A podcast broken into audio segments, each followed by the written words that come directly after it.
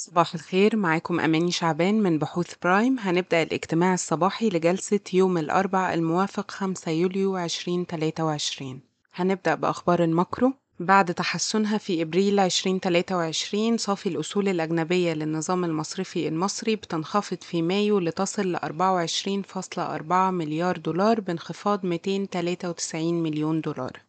وزير البترول يعلن عن استثمارات بقيمة 1.8 مليار دولار في التنقيب عن الغاز خلال السنتين المقبلين من شركات عالمية. البورصة المصرية في مفاوضات مع شركات خاصة في قطاعات السياحة والطاقة لإدراجهم في السوق.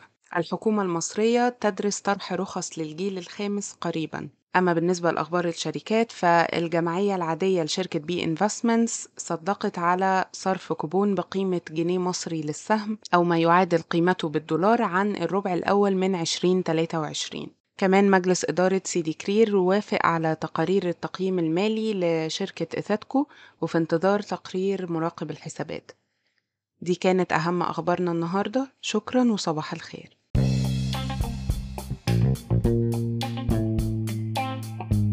يرجى العلم أن هذا العرض هو لأغراض معرفية فقط، ولا يمكن اعتباره عرض أو توصية شراء أو بيع أو إدارة استثمارات أو خدمات استشارية. ينصح باستشارة مستشارك المالي قبل اتخاذ أي قرار استثماري، علماً بأن الأداء التاريخي ليس مؤشراً يعتمد عليه لتحديد الأداء في المستقبل.